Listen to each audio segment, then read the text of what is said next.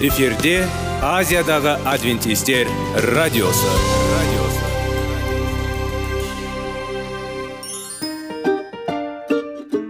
Сәлем достар.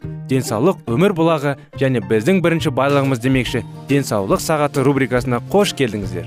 Біздің рубрикада біз әртүрлі факторларменен мәліметтерменен кеңестерменен бөлісіп шын жүректен сіздердің дендеріңіз сау болғанын қалаймыз.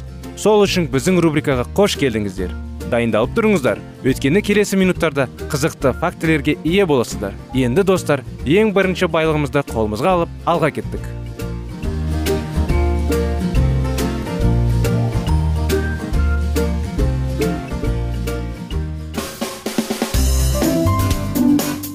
Денсаулық туралы хабар. Денсаулықтың ашылуы. Күн сайын сөз үшін күшті кеңестер соңғы жаңалықтар қызықты факторлар. Біздің рубрикада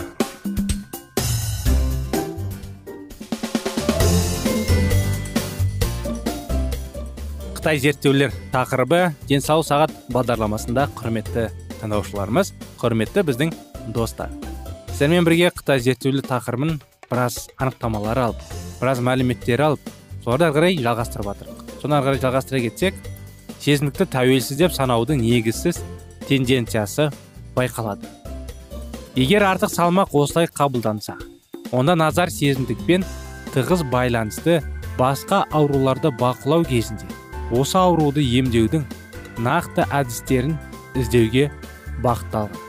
Сондықтан біз ағаштардың артында орманды көрмейміз. Сонымен қатар мен генетикалық негізінде біле отырып бұл идеяны жаңағы елемеуге шақырмалы келді. Сезімдік оны бақылауға болады. Бірнеше жыл бұрын сезімдік геннің ашылуы кеңінен танымал болды. Семіздік геннің іздеудің мақсаты ғылымдарға сезімдіктің терең себебін бейтараптандыруға немесе зарарсыздандыруға қабілетті дәрі дәрмек жасауға негіз беру болып табылады. Бұл өте қысқа және тиімсіз. Кейбір гендер сезімдіктің себебі болды. Яғни тұқым қуалаушылық туралы деген сенім бізді басқара алмайтын нәрсеге фаталистик көзқараспен қарауға мәжбүр етеді. Біз оны себебін басқара аламыз және ол шыныштының ұшында. Осындай анықтамалармен құрметті достар алдымызда міне жетінші тарауда келді. Қан диабеті жайлы анықтама. Оны бізге бірге оны анықтаманы алуға тырысамыз. Семіздік көбінесе екінші типтегі қант диабетімен бірге жүреді. Бұл аурудың ең көп таралған түрі. Қан диабетімен ауру жиілігі тез өсуде және бақылаудан шығады. Сонымен қатар пациенттердің үштен бірі әлі не әсер ететінін білмейді. Бұл ауру. Түсінікті қаншалықты шындап келгенде. Біздің балалар толған жаңағындай тек 40 жастан асқан ересектер. Бұрын ауырған қан диабетінің түрлерінің зардап шегеді. Бұл індет 15 жасында 159 килограмм салмағы бар. Ересек формадан зардап шеккен қыз туралы оқиғаны жариялаған бір газетте суреттелген. Қан диабеті және күннен үш рет инсулин енгізу қажет болды. Қан диабеті дегеніміз не? Неге біз бұл туралы алаңдаумен керек? Және оны қалай болдырмауға болады? Неге ол бізді алаңдатады? Ібілістің екі жүзі. Қан диабетінің барлық дерлік жағдайлары. Бірінші немесе екінші түрге жатады. Бірінші түрі балалар мен жас өспірімдерде дамиды. Сондықтан кейде жас диабет деп аталады. Бұл форма 5-тен 10 пайызға жағдайында кездеседі. Екінші түрі жағдайлардың 90-95 пайызының құрайды. Әдетте 40 жастан асқан ересектерде кездеседі. Сондықтан оны да атайды. Ересектерге арналған диабет. Бірақ балалардағы қан диабеті жағдайлардағы 45 пайызынан дейін екінші типтегі қан диабетіне жатады. Жасына байланысты атаулар өзектіліктен жоғалтты енді аурудың осы екі түрі жай бірінші тип және екінші тип деп аталады. Аурудың екі түрі де глюкоз алмасуының дисфункциясынан басталады. Қалыпты келесінде жасалады. Біз тамақ жейміз. Тамақ қорытылады және оның құрамындағы көмірсулар қарапайым қанттарға бөлінеді. Олардың көпшілігі глюкоза. Глюкоза қандағы қант. Қанға сіңеді және ұйқы безі организмге глюкозаның басымдауы мен таралуын қамтамасыз ету үшін инсулин шығарады. Инсулин есік сияқты глюкозаның функцияларын орындау үшін әртүрлі жасушаларға есік ашады. Глюкозаның бір бөлігі жасуша беріккелікке пайдаланбайтын энергияға айналады. Ал екіншісі алыс қашыққа қолдау үшін энергияға майға айналады. Адам ол ауруды дамыған кезде метаболизм процесі бұзылады. Бірінші типті қан диабетімен ауыратын науқастардың ағзасы инсулиннің жеткілікті мөлшерін шығара алмайды. Өйткені олардың өндірісі үшін жауап беретін ұйқы безінің жасушалары жойылады. Бұл организмнің өзіне шабуыл жасауды нәтижесінде пайда болады. Бұл аутоиммундық аурудың бірінші түрін жасайды.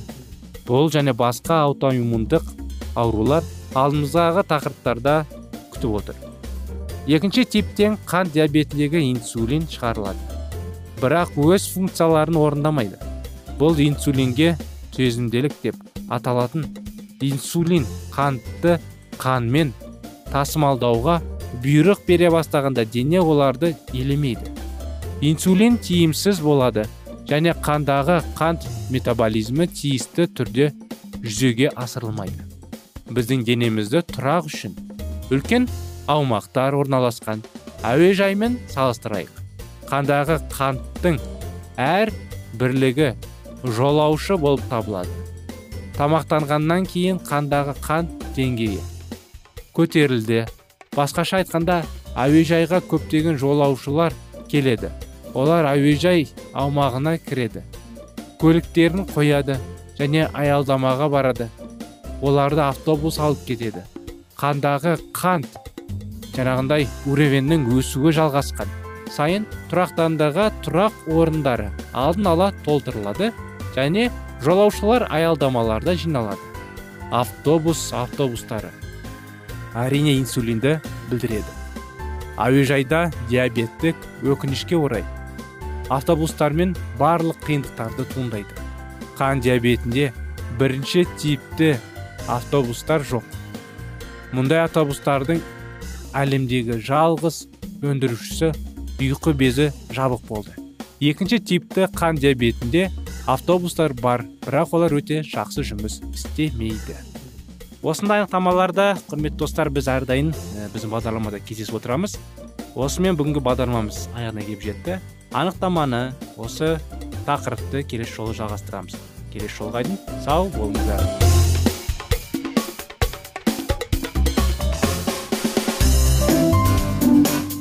Денсаулық туралы хабар. Денсаулықтың ашылуы. Күн сайын сөз үшін күшті кеңестер соңғы жаңалықтар. Қызықты факторлар біздің рубрикада.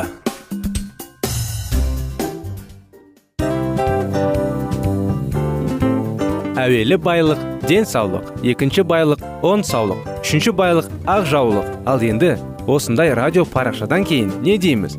Барлықтарыңызға денсаулықтарыңыз зор болсын деп тілейміз. Денсаулықтың өзгеруі кішкентай нәрселерден басталады. Осымен біз берген кеңестер мен мәліметтер шын жүректен сіздер үшін қандай да бір болсын жәрдем берді деп үміттенеміз. Тыңдаушыларымызбен келесі радио парақшасына дейін қоштассамыз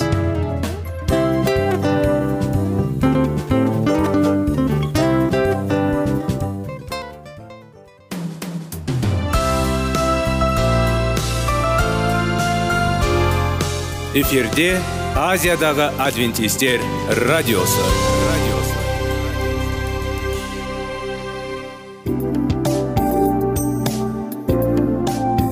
Сәлем достар. Барлықтарыңызға шын жүректен сөйлесек рубрикасына қош келдіңіздер деп айтпақшымыз. Шын жүректен сөйлесек бағдарламасы әртүрлі қызықты тақырыптарға арналған. Шындығында шын жүректен сөйлесек деген сөздің мағынасы екі достың екі адамның ортасындағы шын жүрекпен сөйлесуі бір біріне сенуі ашықтық пен шындықты білдіреді. Сол үшін біздің бағдарламалар әртүрлі қызықты тақырыптарға арналған. Дайындалыңыз жаңа қызықты мәліметтерге ие болуға. Ондай болса кеттік.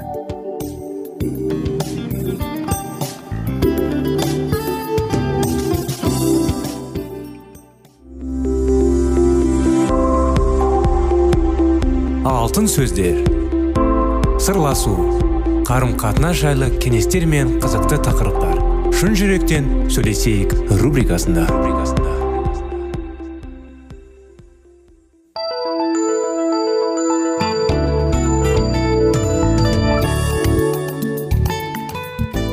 Армысыздар құрметті достар. Сәлеметсіздер ме құрметті радио тыңдаушыларымыз сіздермен бірге шын жүректен сөйлесейік бағдарламамыз. Қош келдіңіздер біздің бағдарламаға сіздермен бірге әрдайым қарым қатынас және де үйлену сүю махаббат тәрбие достық ата анамен жаңағындай балалардың қарым қатынасы балаларды қалай тәрбиелеу үйленер алдында қалай өз өзін жаңа қызға қандай назар аудару керек ер балаға қандай назар аудару керек біз бір біріміздің назарларымызды болашақта қалай жалғастыру керек үйленгеннен кейін қандай бақытты жанұя болатын жайлы тақырыптарды зерттеп әңгімелейміз қазір уақытта сіздермен бірге 25 керемет неке оқиғаларын жалғастырып керемет кеңестер алатын уақыт. Жалғастыра кетсек осы жаңағыдай өткен жылы мәтін оқуға кеткен едік. Бірақ иса әкесінің бүкіл билікті өз қолына беріп қойған соң өзінің құдайдан келіп оған тағы қайтып баратынын да білді. Сонда иса дастархан басында тұрып сырт киімін шешті де беліне алжапқыш байлады дейді. Бұдан кейін ол шылапшығынға су құйып шәкірттердің аяқтарын жуып белін байлаған алжапқышпен құрғатып сүрте бастады дейді. Осы мәтінде исаның шәкірттеріне аяқтарын не үшін жуып алғанын ең қызық оқиға деді. Біз білді деген сөзге мән беретін болсақ осы сұраққа жауап таба алмаймыз. Болмаса аламыз ба? Иса өзіне бүкіл билікті өз қолына беріліп генін білгендіктен өзін кішіпейіл етіп ең төмен жолмен жүруге шешім қабылдады. Иса жалған кішіпейілділік көрсеткен жоқ. Ол өзінде бүкіл билік бар екендігін білді. Бірақ ол билігін теріс пайдаланбады да адамның ақыл ойына сыймайтын ең төмен қызмет етуді қолданды. Бірінші ғасырда адамдар ешқандай көпір тұрғызбай. Деген жаңағындай бір керемет спорт маркасы бар ғой. Сол киімдер сатып алуға дүкендер салынған жоқ. Сол замандағы адамдар сандалар киіп алып кейбіреулері жалаң аяқпен далада жүретін.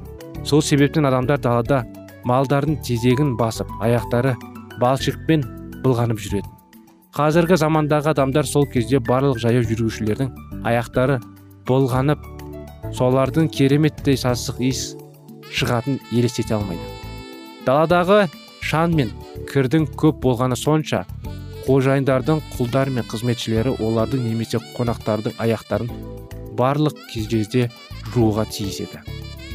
Байдың үйінде шаруашылық жұмыстары көп еді. Ат қораны тазалау тамақ пісіру бөлмелерді жинау бірақ біреуінің аяқтарын жуу деген ең төмен жұмыс еді. Кейбір қоғамдарды осы төмен қызмет ең жиіркенішті іс деп саналатынды.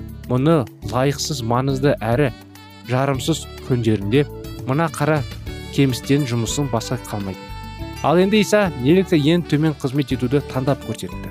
Өйткені ол шәкірттері одан ең маңызды сабақ алатынын ниет етті. Ол тіпті ұстаз бола тұра сыртқы киімін шешіп алып құлдарын істегендей беліне алжапқыш байлады. Иса өзінен танып бас тартатын қарамастан шәкірттеріне осыны істегенін есіңізде шығармаңыз шәкірттердің аяғын жуып сырт киімін киіп орнынан отырғаннан кейін иса сендерге не істегендеріңді түсінесіңдер ме? деген сұрақ қойды. Маған ұстаз ием дейсіңдер. Осылай атағандарың дұрыс себебі мен солмын. Ал егер мен иелерің және ұстаздарың бола тұра аяқтарыңызды жусам сендер де бір біріне сондай қызмет көрсетуің тиіссіңдер сендерге өте маңызды шындықты айтып тұрмын. Қызметшінің жолы қожайыннан үлкен емес елшінің жолы да өзін жіберілгенде үлкен емес. Мен сендерге қалай қызмет етсем сендер де солай етсің деп үлгі көрсеттім. Мұны біліп осылай іс әрекет етсеңдер бақытты боласыңдар. Иса шәкірттерінің аяғын жуып сырт киімін киіп қайтадан ұстаз болып оларға өздерін естерінен мәңгі шығармайтын соңғы маңызды сабақтардың қағидаларын берді. Осы мәңгі шындықтарды төрт жаңағындай бөлімге бөліп алуға болады. Мен сендердің тәңірлерің әрі ұстаздарың бола тұра өздеріне кемелді үлгі көрсетті мен осыны өз еркіммен істегенмін. Өздеріне мына қызмет лайықсыз қара әрі кемісті жұмыс екенде ойлайтын қамандар. Мен сендердің ұстазымын яғни сендерліктен үлкен болсам да өздеріне құл іспетті қызмет етуге дайын. Менен үлгі алып қызмет ететін адам өз батамды беремін дейді. Егер сіз одан үлгі алып жүрсеңіз иса сізге бақытты боласыз дейді. Бұл бір бірімізге қызмет ететін болсақ некемізге құдайдың батасының жударанда жаударының білдіреді. Біз сізді күнде әр кеште біреудің аяғын жуу рәсімін орындау керектігін жөнінде айтпаймыз. Біздің айтатынымыз исаның шәкіртіне қызмет етуін үлгі алып соны өз өміріңізде жүзе асыру. Біз бір бірімізге қызмет еткенде некеде міндеттерді атқарғанда мәсіхтің үлгісін көрсетеміз. Паул елші де былай жазды. Жеке басының абыройына атағын ойлайтын менмен емес кішіпейіл болып басқаларды өздерінен жоғары қойыңдар. Иса мәсіхтің мінез құлқы сендерді де болуға тиіс. Исаның ойы қандай еді? Ол өзіне қалай қарады? Ол өзіне қызмет етуші ретінде қарап басқалардың мүлдерін өзініктен жоғары қойды. Ол тіпті азапты өлімге дейін барып сүйген адамдар үшін өз жанын қиды. Біздің көпшілігіміз өз жұбайларымыз үшін жанымызды қию үшін шақырылған емеспіз. Дегенмен олар үшін өзімшілдігімізден бас тартып шын жүректен қызмет ете аламыз. Егер қызмет ету деген сондай керемет болса сол арқылы құдайдың батасы төгілетінің болса онда неге көптеген адамдар қызмет еткісі келмейді?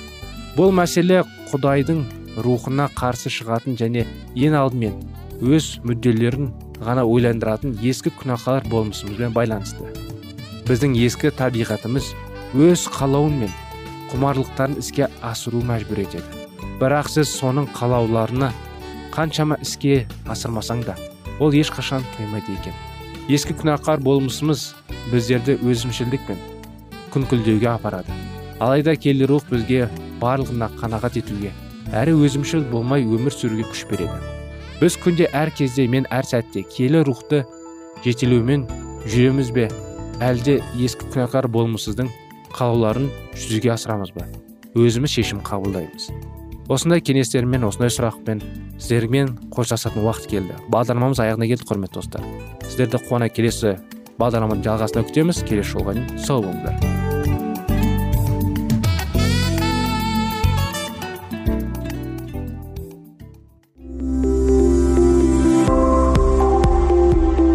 Алтын сөздер. Сырласу. Қарым қатынас жайлы кеңестер мен қызықты тақырыптар. Шын жүректен сөйлесейік рубрикасында.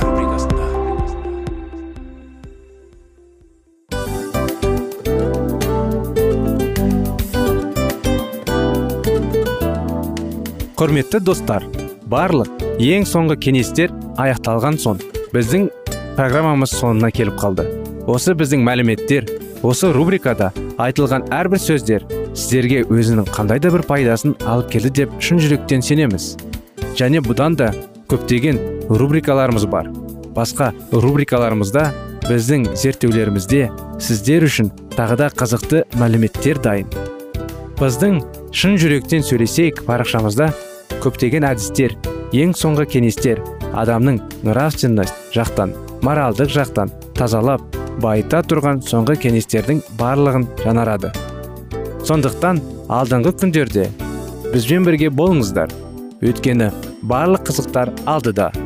Бізбенен бірге болғандарыңызға үлкен рахмет. Келесі кездескенімізше сау сәлемет болыңыздар.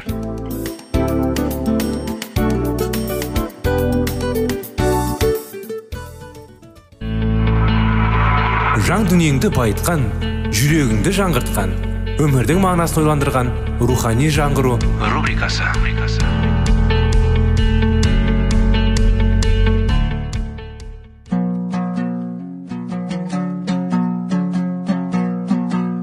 Ассалаумағалейкум біздің тыңдаушыларымыз келі кітаптың шындығын ашып берген қысқа бағдарламасына қош келдіңіздер. Барлығынан жоғары жаратушы біздің қарыңғылықта жалғыз қалдырып қойған емес. Өйткені ол келешекте не болу керек екенін киелі кітаптың парақтарында ашып береді. Немесе келіңіздер бізге қосылыңыздар. Жаратушы бізге нен ашып бергенін зерттейміз.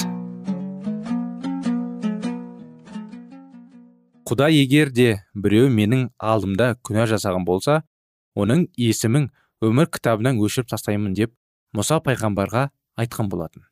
Егер имандылар шыншыл шынайы істерінен шегініп әділетсіздік жасайтын болса оның бұрын жасаған жақсы істерінің барлығы ұмытылатын болады дейді езекіл пайғамбар. Ал кімде кім шынайы түрде барлық кінәларын мойындап исаның құрбандығы қабыл алып сол арқылы күнәларына кешірім алатынына сенетін болса олардың күнәлары өшіріліп өздеріне мәңгілік өмір сыйға тартылатын болады.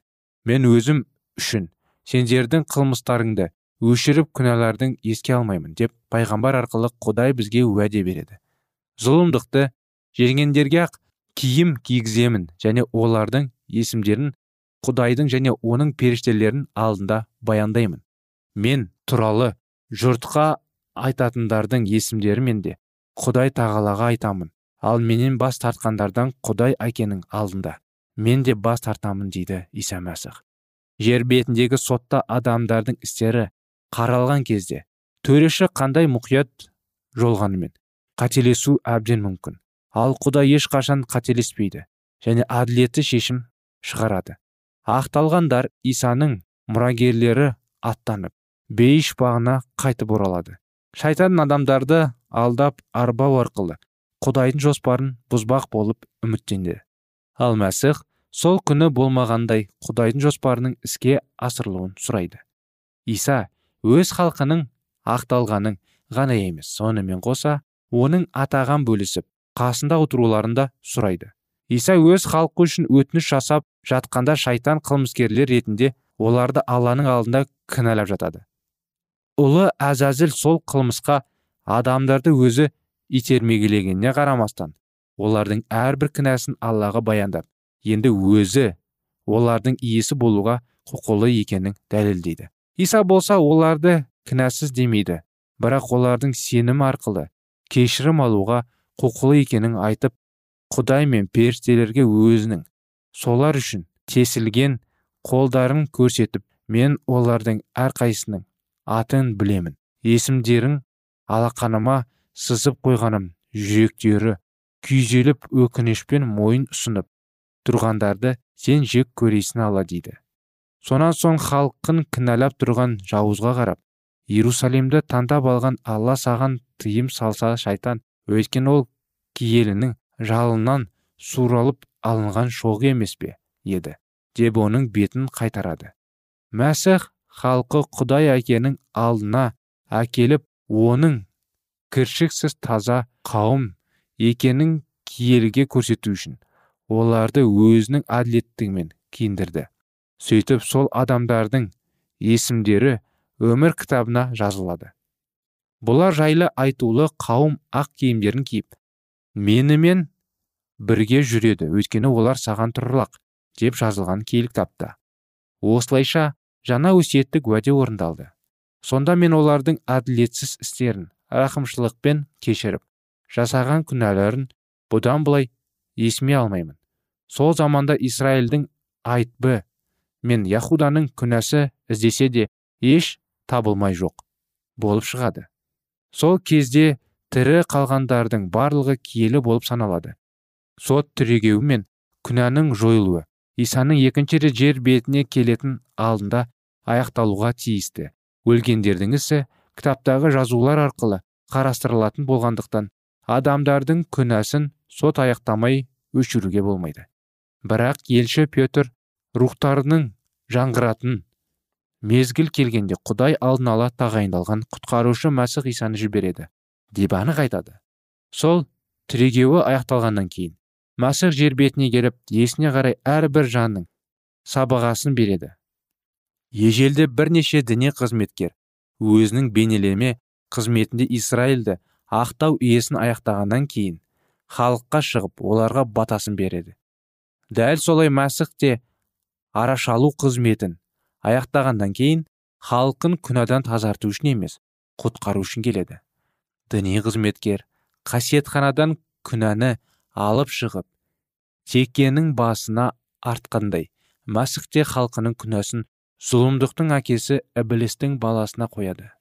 Басына күнә артылған тек жаппан далаға қуылып жіберілгендей. Халықты зұлымдықта итермелеген ал басты мың жыл бойы қаңғырып бос қалған планетада жалғыз шұбырып жүрген мәжбүр болды. Ал ең соңында барлық күнәқарларға дайындалған отқа ібліс бірге түсіп әділетті жазасына салды. Осылайша зұлымдықты жене білгендер ақталып күнәні жою үшін құрылған құтқару жоспары аяқталды. 2300 күн аяқталғаннан кейін яғни 1844 жылы түреге соты басталады. Исаның ілбасарларымыз дейтіндердің ісі мұқият түрде қаралып жатыр. Тірілер де өлгендерде де кітаптарда жазылған жазулар бойынша істеген істеріне қарай сотталады. Тәубасына келмеген адамдардың кешіріммен қалаған күнәлары кітаптарда сол жазулы қалпында қалады. Және ақыр күні адамдардың өздеріне қарсы куәгерлік жасайды. Періштелер үлкен болсын кішкентай болсын кез келген күнәні көріп тұрады. Қылмысты әкенің шешенен әйелінен балаларынан достарынан жасыруға немесе мойындамай қоюға болады. Және ол туралы ешкім еш уақытта білмеуі де мүмкін. Бірақ алладан ешкім ештеңе жасыра алмайды. Оған істеген істерін сөйлеген сөздерін ойлаған ойларын жүректерінің түпкірлерінде тығылып жатқан барлық қылмыстарының мәлім оны алдай алмайсыңдар. Құдайға адамның ішкі дүниесі көрініп тұрады. Қандай салтанат той. Күндер зуылдап өтіп жатады. Ал біздің өміріміз жайлы мәлімдемелер көктегі кітапты тізіліп жазылып отырды. Періштелер адамдардың жаман істерінде. Жақсы істерінде белгілейді. Ешкім өткен күдерін артқа қайтара алмайды. Ең құдіретті деген жауынгердің өзінің бір күні де кейінге шегердің мүмкіндік жоқ. Соңғы күні тағдырымыздың шешілуі өмірімізге тікелей байланысты. Ұмытылып қалған ұсақ түйектердің өзі ақталуымызға немесе жазылуымызға әсерін тигізеді. Суретке түскен кезде пленка адамды қалай бейнелеп қалса көктегі кітаптарға біздің істеріміз дәл солай көшіріледі. Бірақ оны ойлап қам жеп жатқан адамзат баласы жоқ.